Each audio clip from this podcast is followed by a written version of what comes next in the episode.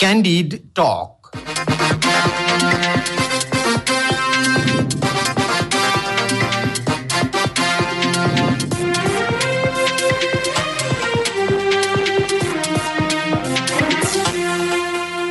नमस्कार क्यान्डी टकमा तपाईँलाई स्वागत छ। म तेजेन्द्र काफले। रेडियो क्यान्डिडको प्रस्तुति कार्यक्रम क्यान्डी टक तपाईँले शनिबार बाहेक हरेक दिन बिहान साढे छ बजेबाट सात बजेसम्म आधा घण्टा सुन्दै आइरहनु भएको छ। समसामयिक विषयमा कुराकानी हुने यो कार्यक्रम तपाईँले काठमाडौँ उपत्यका र आसपासका जिल्लामा नाइन्टी टू पोइन्ट सेभेन मेगाहर्जमा रेडियो क्यान्डिडको आधिकारिक फेसबुक पेजमा हाम्रो पात्रमा रेडियो क्यान्डिडको एप्स डाउनलोड गरेर र पोडकास्टमा समेत सुन्न सक्नुहुन्छ। प्रमुख प्रतिपक्ष एमालेको विरोधका बीच प्रतिनिधि सभाले हिजो विनियोजन विधेयक पारित गरेको छ। आर्थिक विधेयक र राष्ट्र ऋण उठाउने विधेयक टेबल भएका छन्। यसले बल्ल बजेट क्राइसिस अन्त्य हुने आशा फलाएको छ। दल विभाजन सम्बन्धी अध्यादेश खारिज गर्ने नगर्ने विषयमा विवाद हुँदा सत्ता गठबन्धनभित्र नै यो बेला फाटो सुरु भएको छ। जसका कारण मन्त्रीमण्डल विस्तार हुन सकिरहेको छैन। दलहरू यो बेला आन्तरिक व्यवस्थापनमा व्यस्त छन्। कङ्ग्रेसको अधिवेशन चलिरहेको छ। एमाले अधिवेशन तयारीका लागि बैठकमा व्यस्त छ। माओवादी केन्द्र साङ्गठनिक संरचना बलियो बनाउने ध्यानमा छ।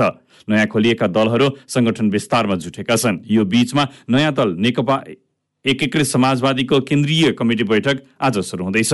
आजको कार्यक्रम क्यान्डी टकमा हामी नेकपा यसका प्रचार विभाग प्रमुख जगन्नाथ खतिवड़ासँग बैठकका एजेन्डाहरू सहित राष्ट्रिय राजनीतिबारे कुराकानी गर्दैछौँ। त्यसका लागि यो बेला उहाँ हाम्रो प्रत्यक्ष टेलिफोन सम्पर्कमा हुनुहुन्छ। जगन्नाथज्यू स्वागत छ क्यान्डी टकमा यहाँलाई। नमस्कार। नमस्कार। सुरुवातमा त आजबाट तपाईँको केन्द्रीय कमिटी बैठक सुरु हुँदैछ। एजेन्डाहरू के के छन्? यहीँबाट गरे। केन्द्रीय कमिटीको बैठक हाम्रो राजनीतिक दलको पहिलो बैठक हो भन्दा हुन्छ व्यवहार त। योभन्दा पहिले पनि बैठक बसेका छौँ हामीले पार्टी दर्ता प्रयोजनको लागि बसेका छौँ तर हाम्रो पार्टीका आन्तरिक जीवनलाई व्यवस्थित गर्ने सङ्गठन विस्तार गर्ने उद्देश्यले यो बैठक पहिलो हुँदैछ। हजुर हजुर। देशैभरिका केन्द्रीय कमिटीका सदस्यहरू अहिले काठमाडौँ आइसक्नु भएको छ। र हाम्रो आजसम्मको राजनीतिक दल दर्ता गरिसके पश्चात आजसम्मको हाम्रो राजनीतिक साङ्गठनिक अवस्थाको बारेमा समीक्षा गरिनेछ हजुर। भविष्यमा कसरी पार्टी गतिविधिलाई अगाडि बढाउने भनेर यसको कार्ययोजना बनाइनेछ केन्द्रीय कमिटीलाई आवश्यकता अनुसार थपघट गर्नुपर्ने नै हुन्छ। धेरै साथीहरू छुट्नु भएको छ उहाँहरूलाई समावेश गर्ने नीति बनाइनेछ यिनै विषयहरूमा अब सङ्गठनका पार्टीको सदस्यता विस्तार गर्नको निम्ति योजना बनाइनेछ र मूलत तिन चार महिनाको एउटा कार्ययोजना बनाएर सङ्गठन सुदृढीकरण विस्तार अभियानमा लागिनेछ राजनैतिक लगायतका विभिन्न प्रतिवेदनहरू पनि प्रस्तुत हुने एजेन्डा छन्? स्वाभाविक रूपमा हाम्रो आजसम्मको वस्तुस्थिति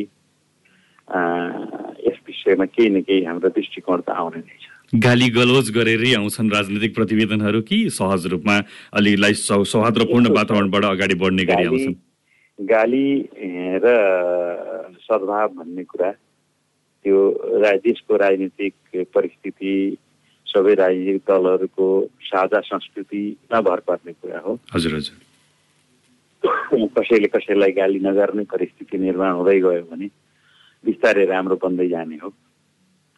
तर राजनीतिमा गरेको आलोचनाहरू चाहिँ गाली पनि होइनन् हजुर। दृष्टिकोणमा भिन्नता छ। देश निर्माणको लागि राष्ट्र राष्ट्रियताको लागि राष्ट्रिय सार्वभौम सत्ताको लागि अर्थतन्त्रको लागि सुशासनको लागि गरिएका चर्चाहरूमा एकले अर्कालाई आलोचना गरिएको छ भने त्यसलाई गाली मात्र पनि मान्न हुँदैन। हजुर। त्यो महत्त्वपूर्ण विषयहरूको पक्ष विपक्ष हुन्छ नै। गाली गलोज आरोप भनेको चाहिँ त्यसै व्यक्तिगत रूपमा कुनै ईर्ष्याले राजनीतिक दललाई आलोचना गर्यो भने गाली भन्न मिलेन। व्यक्तिमाथि गरिएका आक्रमणहरू गाली हुन्छ मैले नेकपा यस केही कुरामा फरक छ कि भनेर जान्न खोजेको खासमा यो राजनैतिक प्रतिवेदनहरू अन्य दलका बैठकहरूले। एमाले पनि एमाले एमाले यहाँसँग एमालेमै हुँदाखेरि पनि तपाईँहरू एमालेमा हुँदा पनि अन्य दलहरूलाई सबभन्दा ठुलो दुश्मनका रूपमा चित्रण गरेर पनि केही प्रतिवेदनहरू विगतमा आएका थिए। त्यस्तै तरिकाबाट अगाडि जान्छ कि नेकपा यस भन्ने मैले जान्न खोजेको राजव नेपालका कम्युनिस्ट पार्टी र संसारका कम्युनिस्ट पार्टीहरूसँग उनीहरूको विश्व दृष्टिकोण छ। मार्क्सवादी द्वन्द्ववादी विश्व दृष्टिकोण छ त्यो विश्व दृष्टिकोणका आधारमा त्यो वर्ग चेतनाका आधारमा उनीहरूले मेरो वर्गलाई शत्रु मेरो वर्गका लागि विपक्ष मेरो वर्गलाई निषेध गर्ने र आफ्नो वर्गको उत्थान गर्ने पङ्क्ति उसले त्यो सोचेको निर्धारण गरेको हुन्छ। त्यस कारण दुईटा वर्गको बिचको सङ्घर्ष हो आजको इतिहास र सिङ्गो समाजको विकास वर्ग सङ्घर्षको इतिहासको विकास हो। भन्ने कुरा बुझेका कम्युनिस्टहरूले निश्चय नै कसैलाई वर्ग दुश्मन देख्न सक्ला देशको समग्र देशको दुश्मन होइन। वर्गको दुश्मन भनेर भन्न सक्ला त्यो एउटा बाटो हो तर अब त्यो दुश्मनी भनेको चाहिँ आज दुश्मन भएको हुनाले मारिहाल्नुपर्छ भन्ने कुरा पनि होइन। हजुर हजुर। त्यो राजनीतिक प्रतिस्पर्धाको कुनै शब्दावली चयन गर्दा कसैले प्रयोग गर्ने कुरा मात्रै हो। हामी हामी आफ्नो बाटो तय गर्छौँ। अरू आफ्नो बाटो तय गर्छन् आफ्नो बाटो हिँडिरहन्छौँ हिँडिरहन्छौँ। हामी कम्युनिस्ट पार्टी मजबुत बनाउन चाहने मानिसहरू त्यो मजबुत बनाउनको निम्ति के भन्दा के नभन्दा आफूलाई राम्रो बनाउन चाहन्छौँ त्यसको हेक्का राख्ने कोसिस गर्छौँ। कहिलेकाहीँ गल्ती होला सच्याउँछौँ। हजुर हजुर अब यो ज करिबन एक महिना हुन लाग्यो। दल दर्ताको प्रमाणपत्र यहाँले लिनुभएको राष्ट्रिय दलको मान्यता प्राप्त गर्नुभएको। त्यो पछाडि लगातार रूपमा सतहत्तरवटै जिल्लामा सबै गाउँ गाउँपालिकाहरूमा स्थानीय तहहरूमा यहाँहरू सङ्गठन विस्तारमा जुट्नु भएको छ। कहाँ के भइरहेको छ? समाचारहरू आइरहेका छन्। पचपन्नवटा जिल्लामा कार्य समिति गठन गर्नुभयो भनेर के आधारमा कसरी अगाडि बढ्दै हुनुहुन्छ यहाँहरू? होइन हामीले ती जिल्लाहरूलाई पचपन्न जिल्ला मात्रै होइन हामीसँग पार्टीको जिल्ला भनेर एकासी जिल्ला हुन्छन्। हजुर हजुर। चारवटा विशेष जिल्ला कमिटीहरू हुन्छन्। सतहत्तर जिल्ला भूगोलका जिल्ला कमिटीहरू हुन्छन्। यी सबै जिल्ला कमिटीहरू निर्माण गरिसकिएको छ। हजुर। तर यति फरक हो हिजो अन्तर्सङ्घर्षको क्रममा निर्माण भएका जिल्ला कमिटीहरू तिनलाई रूपान्तरण गर्ने अहिलेको नेकपा एकीकृत समाजवादीमा रूपान्तरण गर्ने प्रयास भइरहेको छ। त्यही प्रयास अन्तर्गत केही जिल्लाहरू बाँकी छन् रूपान्तरण गर्नको लागि। अरू सबैले रूपान्तरण गर्ने। रूपान्तरण गर्ने भन्नाले नयाँ पार्टीको रूपमा आफूलाई घोषणा गर्ने। कतिपय छुट्छन् कतिपय थपिएका छन्।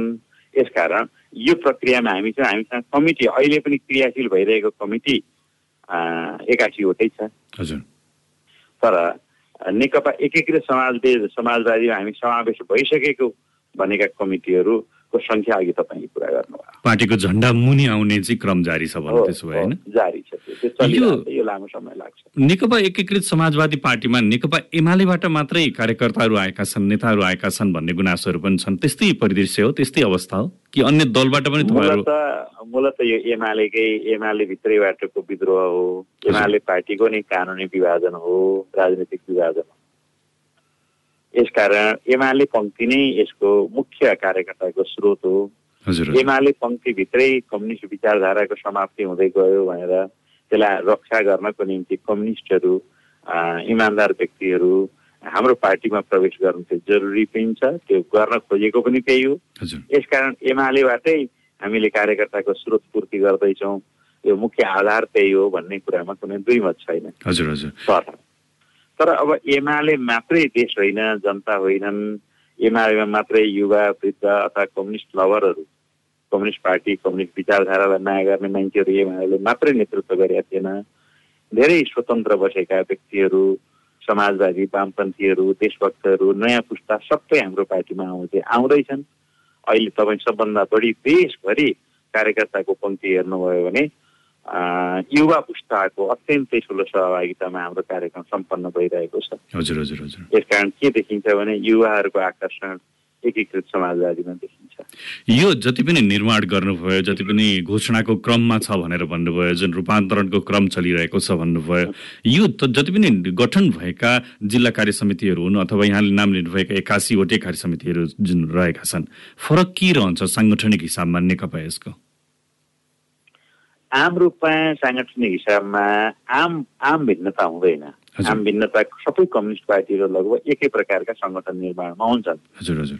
त्यो सामान्य तपाईँले देखिने फर्मेसन जे हुन्छ अब जिल्ला कमिटी हुन्छ प्रदेश कमिटी हुन्छ गाउँ कमिटी हुन्छ वार्ड कमिटी हुन्छ अब यस्तो टोल कमिटी हुन्छ सेल कमिटीहरू भनिन्छ यस्ता कमिटीहरू चाहिँ एउटै प्रकारको ढाँचामा देख्न सकिन्छ।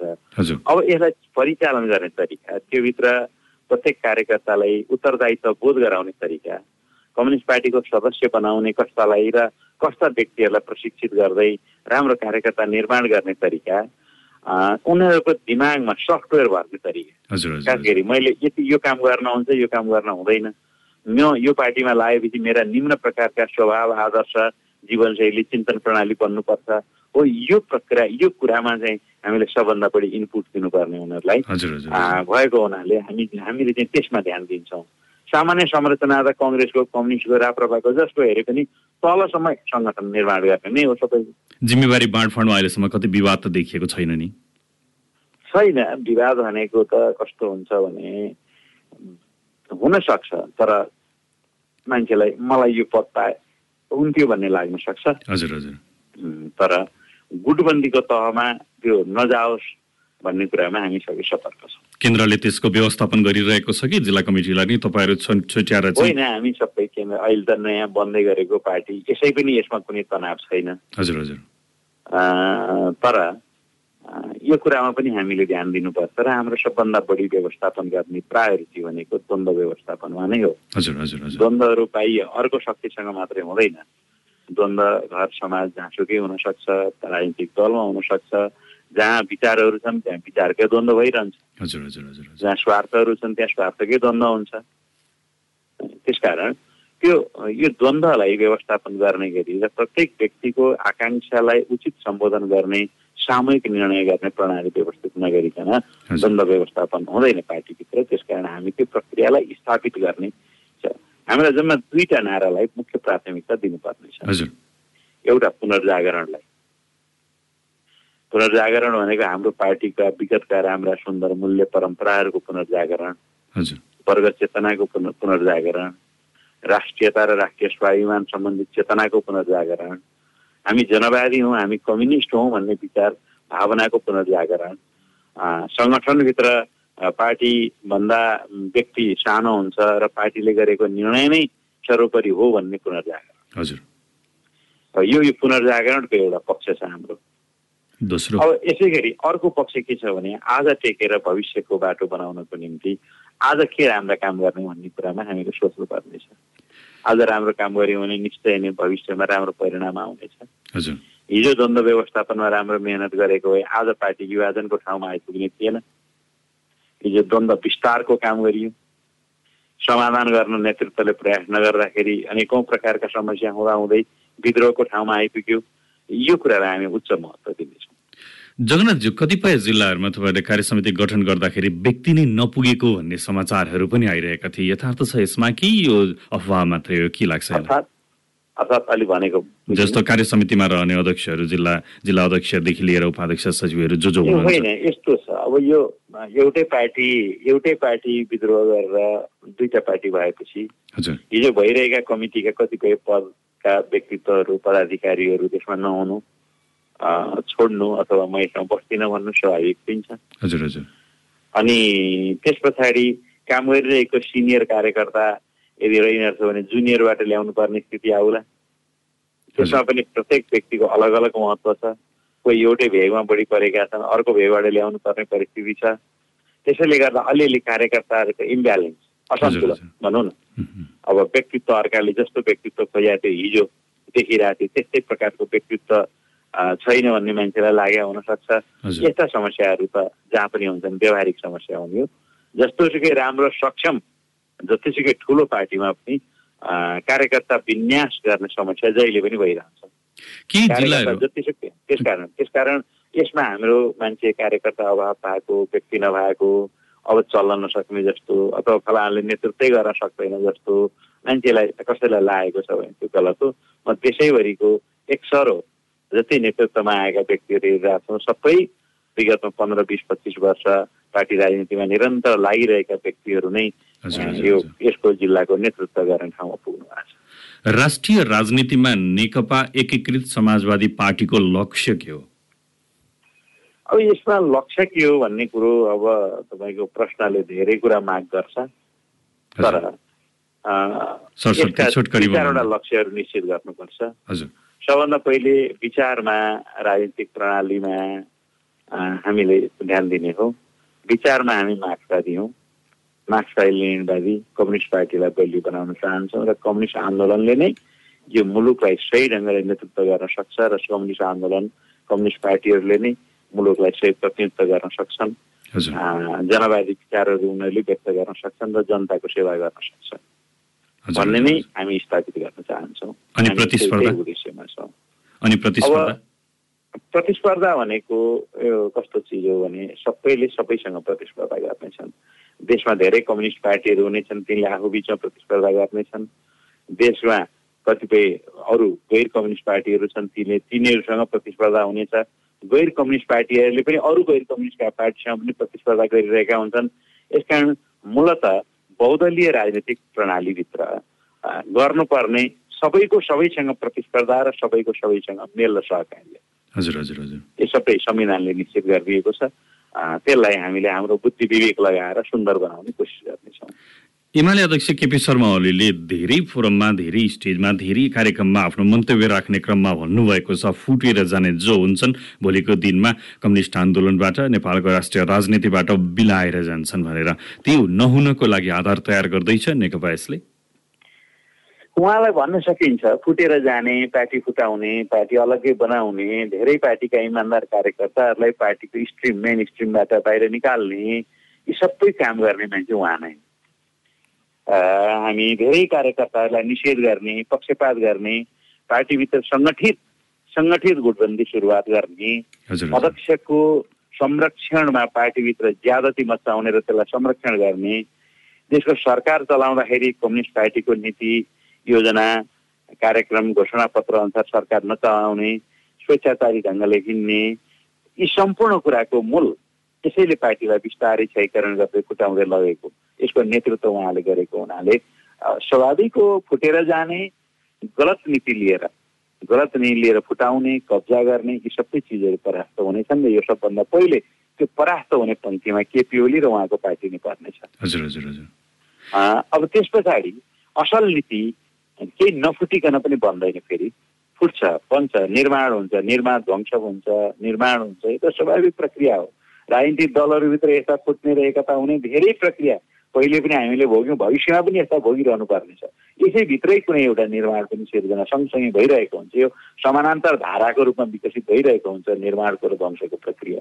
त्यस कारण हामी सही विचारमा छौँ र भविष्यको मुलुकलाई नेतृत्व गर्ने नयाँ पुस्तालाई नेतृत्व गर्ने हामीसँग इच्छा शक्ति छ। हामी निश्चय नै अगाडि बढ्नेछौँ उहाँले केपी ओलीले गरेको उहाँको श्रापले. उहाँको दम्म भरिएको विश्लेषणले यसलाई रोक्ने सेक्नेवाला छैन तर अब हामीले नै राम्रो गर्न सकेनौँ जनताको बिचमा जान सकेनौँ सेवा गर्न सकेनौँ नयाँ दृष्टिकोण ल्याउन सकेनौँ र जनताको विचारको भावनाको प्रतिनिधित्व गर्न सकेनौँ भने हामी पनि कमजोर हुन्छौँ अरू पनि कमजोर. अहिले तपाईँ नाइन्टी टू पोइन्ट सेभेन मेगाहर्समा रेडियो क्यान्डिडेट सुनिरहनु भएको छ। आजको कार्यक्रम क्यान्डिड टकमा हामी नेकपा एकीकृत समाजवादी पार्टीका प्रचार विभाग प्रमुख जगन्नाथ खतिवडासँग कुराकानी कुराकानी गरिरहेका छौँ। जगन्नाथज्यू करिबन एक महिना हुन लाग्यो। निर्वाचन आयोगले नेकपा एकीकृत समाजवादी पार्टीलाई राष्ट्रिय दलको मान्यता दिएको। यो एक महिनाको बिचमा पनि नेकपा यसको होस् अथवा नेकपा एमालेको होस् शीर्ष नेतृत्वले एक अर्का विरुद्ध आगो उकलिरहनुको कारण चाहिँ के हो? यस्तो हुन्छ व्यक्तिगत रूपमा आगो उकाल्ने काम चाहिँ अब हाम्रो नेकपा एमालेका अध्यक्ष केपी ओलीले अत्यन्तै अशिष्ट असभ्य शब्दहरूमा आक्रमण गरिरहनु भएको छ हामीलाई। हाम्रा नेताहरूलाई गरिरहनु भएको छ हाम्रो पार्टीलाई गरिरहनु भएको छ। र यो कुराको लागि त मैले भन्न सक्ने केही ठाउँै छैन। यो उहाँको विचारको कुरा हो। उहाँ यो उहाँको सांस्कृतिक चेतनाको स्तर कस्तो रहेछ भन्ने विश्लेषण गर्ने कुरा हो। यो मुलुकले देखाएको छ। कि केपी ओली अरूसँग अरूलाई मर्यादा गरेर सम्मानका साथ जीवन जिउने व्यक्तित्व हुनुहुन्न भन्ने दुनियाँले बुझ्दै गएको छ। यसका लागि मैले के भन्नु पर्दैन। उहाँ स्वयंले आफ्नो स्तरलाई खस्काउनु भएको छ र नेकपा एमालेको यदि भाषा शब्द शैली र तरिका यही हो भनेदेखि त्यो डुबान क्षेत्रमा जानु त निश्चितै छ। सबैले यही सिक्दै गयो भने। माधव कुमार नेपाल हाम्रो पार्टीको अध्यक्षले उहाँले भनेका कुराहरू धेरै हदसम्म सन्तुलित संयमित छन्। कहिलेकाहीँ बोल्दै जाँदा तलमाथि भएको भए अर्को कुरा हुन्छ प्रत्येक व्यक्तिबाट यस्तो हुनसक्छ तर हामी राजनीतिक र वैचारिक कुरा गरिरहेछौँ हामी कम्युनिस्ट आन्दोलनलाई जोगाउने कुरा गरिरहेछौँ विसर्जनवादबाट काट्ने कुरा गरिरहेछौँ अब उहाँ विसर्जनवादी र दक्षिणपन्थी धाराको नेतृत्व गरिरहनु भएको छ केपी ओली। यसकारण उहाँसँगको उत्तेजना यसलाई समाप्ति गर्ने उत्तेजना त्यो त नराम्रोसँग नै बोल्नुपर्ने होला उहाँले।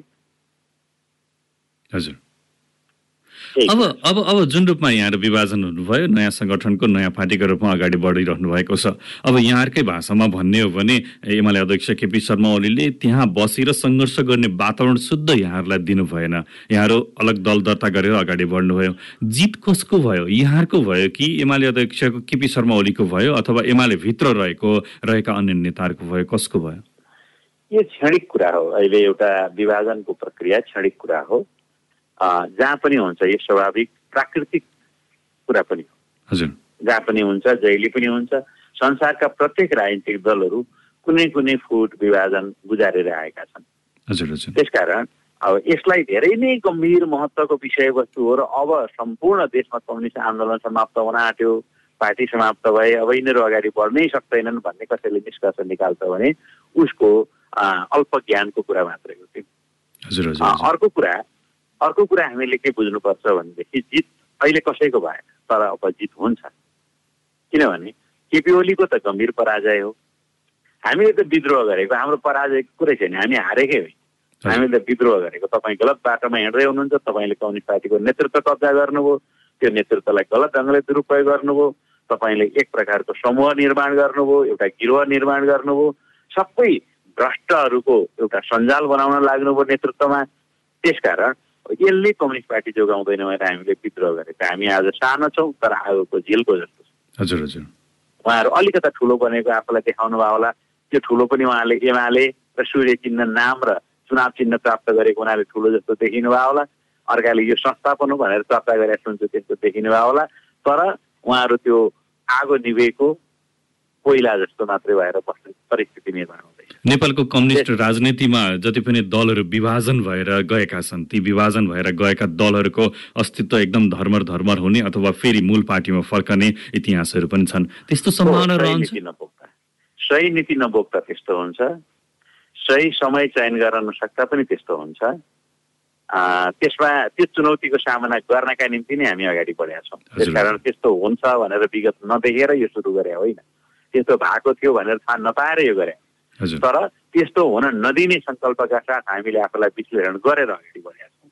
त्यस कारण हामी त्यस्तो हुन दिने छैनौँ। दोस्रो मानिसले त्यो पार्टीहरूलाई हेर्दा जम्मा दुई तिनवटा विषयमा ध्यान दिनुपर्छ जस्तो लाग्छ। एउटा सङ्गठनात्मक क्रियाशीलता। अहिले हामी एकासी जिल्लाका सक्रिय क्रियाशील समितिहरू लिएर मैदानमा छौँ। त्यसकारण हामीलाई कुनै आपत्ति कुनै डर छैन। हामी थोरै पाँच दसजना मान्छे मिलेर पार्टी बोकेर कार्यकर्ता खोज्न हिँडेको मान्छेहरू होइन। त्यस कारण हामी विशाल कार्यकर्ताको पङ्क्ति लाखौँ मानिसहरूलाई एकचोटि एउटा पार्टी पङ्क्तिमा वैकल्पिक शक्तिको रूपमा आफूलाई स्थापित गर्न हिँडेका मान्छेहरू। त्यस कारण हाम्रो यो सङ्गठनलाई हामीले जीवित बनाउन निरन्तरता दिन विचारले योजनाले अनुशासनले सपनाहरू निरन्तरता दिन सक्यौँ भने सङ्गठन त असाध्यै मजबुत र तीव्र गतिमा मजबुत हुन्छ। त्यसकारण त्यो अघि गरेको विश्लेषण मिल्दैन अरू कसैले गरेको। निर्वाचन प्रणाली। आजको निर्वाचन प्रणाली समानुपातिक निर्वाचन प्रणाली पनि छ प्रत्यक्ष निर्वाचन प्रणाली पनि छ। समानुपातिक निर्वाचन प्रणालीमा जनताले दिएको भोटको समानुपातिकतामा सिटहरू संसदमा प्राप्त गर्नेछन्। अनि प्रत्यक्ष निर्वाचित प्रणालीमा जो पहिलो व्यक्ति हो जसले जित्यो ऊ अगाडि बढ्नेछ। यी दुवै निर्वाचन प्रणालीमा प्रतिस्पर्धा गर्ने ठाउँ हुँदा कुनै पार्टी संसदमा शून्य हुँदैन। दुई चार लाख दस लाख एक लाखदेखि लिएर माथि जतिसुकै भोट ल्याउने मान्छे त्यो पार्टीमा संसदमा राजनीतिक प्रक्रियामा संवैधानिक त्यसको चाहिँ जुन मान्यताभित्र छ जे हुन्छ संसदीय मान्यता हो त्यहाँभित्र शून्य हुँदैन। त्यस्तो पार्टी पनि उसले आफ्नो विचार ठिक छ। भने संसदमा दुई चारवटा सिट तल या माथि भएको कारणले त्यो पार्टी मर्दैन। हजुर हजुर हजुर हजुर। त्यो पार्टी पनि जीवित भइ नै रहन्छ। अर्को चेतना। हिजोको चेतना र आजको चेतनामा धेरै फरक छ। हिजो पार्टीमा लागेका मानिसहरू पार्टी भनेपछि भुतुक्क हुन्थे। अहिले पार्टीमा लागेका मानिसहरू पनि एजेन्डामा चाहिँ बढी लाग्छन् र एजेन्डामा प्रेरित हुन्छन् प्रभावित हुन्छन्। उसले बोकेको सिद्धान्त र लक्ष्य के छ सिद्धान्त लक्ष्य उसले के एजेन्डा उठ्यो जनताको लागि के गर्यो भन्ने यी सबै कुराहरू उनीहरू मूल्याङ्कनको विषयमा हुन्छन्। त्यसकारण हामीले जनताको आँखामा निखर सफा स्फटिक देखिन सक्नुपर्छ त्यो भएपछि जनताको विश्वास गर्छ। तेस्रो यो चौथो कुरा भनौँ। चौथो कुरा नयाँ पुस्ता। यो नयाँ पुस्ता मुलुकमा अलिकता अराजनीतिक जस्तो देखिन्छ गैर राजनीतिक पङ्क्तिमा छ अध्ययनमा छ व्यवसायमा छ। उनीहरू चाहिँ पार्टीको नाममा कुनै एउटा अनुशासनको डोरीभित्र मात्रै पसिने भन्दा पनि देशको राम्रो राष्ट्रिय हितहरूको पक्षमा वकालत गर्न चाहन्छ। त्यो लाखौँको पुस्ता जो बाजाको बजारमा देखा परिरहेको छ होइन ती त्यो पुस्तालाई नेतृत्व गर्ने चेतना जोसँग छ त्यसले अबको मुलुकको नेतृत्व गर्ने हो। त्यस कारण उसलाई हिजोको कुनै सिद्धान्त विचार नेता व्यक्तित्व इतिहास हिजोका चाहिँ यति वर्ष जेल पर्यो यस्तो गर्यो उस्तो गर्यो भन्ने कुराले काम गर्दैन। हिजो पनि राम्रो गरेको थियो भने राम्रो कुराको प्रशंसा गर्छ भोलि पनि राम्रो गर्यो भने राम्रो कुराको पछि लाग्छ। त्यो त्यो पुस्ता जुन हो त्यो पुस्तालाई सृजनात्मक ढङ्गले जसले प्रयोग गर्न सक्छ राजनीतिमा ल्याउन सक्छ मूलधारमा ल्याउन सक्छ त्यसले मुलुकको भविष्यको नेतृत्व गर्छ। हामी त्यो इच्छा शक्तिका साथ पार्टी सञ्चालन गर्नेछ। त्यसकारण अरू कसैले कल्पना गरे जस्तो श्राप गरे जस्तो यो सुहा हुनेवाला छैन मैले सङ्केत गरेका दलहरू यहाँले बुझ्नुभयो। ती दलहरूसँग आगामी दिनमा एकीकरण गरेर एउटा ठुलो कम्युनिस्ट पार्टी निर्माण गरेर अगाडि बढ्ने सम्भावना तपाईँको दलमा रहन्छ कि रहन्न? पहिलो कुरा हो विचार कार्यक्रम मिल्नु पर्यो। हजुर। नेपाली राजनीतिमा सबभन्दा बढी व्यवहार नमिलेर मानिसहरू फुटेको दलहरू फुटेको देखिन्छ हो त्यो व्यवहार पनि मिल्नु पर्यो। हजुर हजुर हजुर। त्यसपछि सबैको आवश्यकता पनि मिल्नु पर्यो। होइन? अब यो पार्टीलाई बलियो बनाउँछु भन्ने लागेको भए आवश्यकता त महसुस गर्नु पर्यो आफै आफैलाई। आवश्यकता अस्थायी होइन भावनाबाट वैचारिक हिसाबबाट नै मिल्नु पर्यो। त्यसकारण यस्तो समय कुनै दिन आयो भने त्यस्तो होला हुन्छ नै। तर चुनावी सहकार्य हुने कुरा अस्थायी सहकार्यहरू हुने कुरामा त कहीँ कसैले कसैलाई रोक्न सक्दैन। त्यसकारण अब विगतमा पनि हामीले विभिन्न राजनीतिक दलसँग यस्तो सहकार्य गर्दै आएछौँ चुनावमा एकता गर्दै आएछौँ तालमेल गर्दै आएछौँ एकले अर्कालाई आफ्नो सिट उम्मेदवारी छोडेर यो फलानु दललाई भनेर छोड्दै आएछौँ त्यस कारण यो सबै कुरा हुन सक्छ तर पार्टी एकीकरण भन्नाले एउटै पार्टी निर्माण गर्ने सम्भावना आज छैन। हजुर। अन्त्यमा करिब एक मिनट मात्रै हामीसँग बाँकी छ। एउटा प्रश्न तपाईँसँगै गफ गरिरहेको समयमा मैले राख्नै पर्छ। आजका मितिसम्म पनि नेकपा यसका शीर्ष नेतालाई सांसदबाट हटाउनु पर्ने माग गर्दै एमाले प्रतिनिधि सभामा विरोध जारी राखेको छ। के हो यहाँहरूको धारणा यहाँको दलको धारणा के हो यो प्रति? यसका दुई तिनवटा कुरा छन्। एक त उहाँका निराश भएका एमालेका कार्यकर्ताहरू जसले यो विभाजन पटक्कै चाहेका थिएनन्। यो विद्रोह नहोस् र यसलाई शान्त बनाऊ भनेर केपी ओलीलाई अनेकौँ पटक बिन्ती भाउ गरेका थिए। यो कुनै हालतमा गर्न हुँदैन भनेर लाखौँ कार्यकर्ता आज पनि रोइरहेका छन्। हो ती कार्यकर्ताहरूलाई हामीलाई गलत देखाएर अनेकौँ ढङ्गको नाटक गरेर तिनलाई तिनको निराशाबाट अलिकता उत्साह भर्न सकिन्छ कि भन्ने एउटा प्रयास उहाँहरूले गर्नुभएको छ। तर जे गर्नुभएको छ त्यो अलोकतान्त्रिक गर्नुभएको छ असंवैधानिक गर्नुभएको छ। शक्ति बाहुबली राजनीतिलाई फेरि चाहिँ मुठभेडमा लानको निम्ति बाहुबली राजनीति गर्ने उहाँको प्रक्रियाबाट हिँड्नु भएको छ। यो असंसदीय पनि छ अलोकतान्त्रिक पनि छ र विगतका व्यवहारमा पनि हामीले धेरै पटक सरकार बनायौँ। अरू सरकारहरूले पहिले बनाएको बजेटलाई संशोधन गर्दै हामीले नयाँ बजेट ल्याउनु पर्यो। केपी ओलीलाई सम्झना रहोस्। हामीले एकाउन्न सालमा जब नेकपा एमालेको अल्पमतको सरकार बनायौँ। त्यो अल्पमतको सरकार पनि हामीले पुरानो बजेटलाई संशोधन गरेरै नयाँ कार्यक्रमहरू ल्याएर बनाएका थियौँ हजुर हजुर हजुर। त्यसले अगाडि बढाएको थियो। त्यसकारण यो मैले त्यहाँदेखि पछाडि धेरै घटनाक्रममा यस्ता अध्यादेशहरूले संशोधन गर्ने कामहरू गरिएको छ। हाम्रो देशको राजनीतिमा यो एउटा प्रणाली जस्तो बनिएको छ। अब हाम्रो कार्यक्रम चाहिँ सच्याएर अर्को ल्याए बापत तिमीहरू देशका दुश्मन भयो भनेर उहाँहरूको व्याख्या हुन्छ भने त त्यो उहाँहरूको लघु सोचसँग त कसैको केही लाग्दैन गलत र भर्सना योग्य काम गर्दै नेकपा यसका अध्यक्ष सहितका सांसदहरूलाई कारवाहीको मागको विषयमा त्यो त ख्याल ख्यालको कुरा हो त्यसको कुनै औचित्य पनि छैन त्यो उहाँहरूले भनिहाले नि यसो राजनीतिमा आफूलाई उपस्थित कसरी गराइराख्ने त भन्दाखेरि संसदमा हङ्गामा मचाइरहँदा मिडियाले यसलाई कभर गरिरहन्छ अनि कार्यकर्ता सचेत भइरहन्छन् एमाले एकीकृत समाजवादीको विद्वेषको भावना विकास गर्ने गरिराख्यो भने एमालेका कार्यकर्ताहरू यो विद्वेषका कारणले गर्दा एकीकृत समाजवादीमा प्रवेश गर्दैनन्। यस कारण यो छुट्याउनको निम्ति उहाँले गरेको कोसिस मात्रै हो। यसलाई मैले सामान्य कुरा लिएको छु। हस् धन्यवाद जगन्नाथ ज्यू समय दिनुभयो क्यान्डी टकको लागि यहाँले धन्यवाद। धन्यवाद हुनुहुन्थ्यो। नेकपा एकीकृत समाजवादी पार्टीका प्रचार विभाग प्रमुख जगन्नाथ खतिवडा उहाँसँग बसेर विशेष गरेर नेकपा एकीकृत समाजवादी पार्टीको योजना साङ्गठनिक विस्तारका के के काम भइरहेका छन् आगामी एजेन्डा के के रहन्छन् आगामी दिनमा नेकपा समाजवादी पार्टी कसरी एकीकृत समाजवादी पार्टी कसरी अगाडि बढ्छ यिनी विषयमा केन्द्रित रहेर कुराकानी गर्यौँ। हवस् त क्यान्डी टकको यो अङ्क आजलाई यति नै। भोलि फेरि साढे छ बजे फरक विषयमा कुराकानी गर्ने नै छु। प्रविधि संयोजनको लागि कुमार सुन्दासजीलाई धन्यवाद। कार्यक्रमबाट म तेजेन्द्र काफले विदा माग्छु। रेडियो क्यान्डिडेट सुन्दै गर्नुहोला। नमस्कार।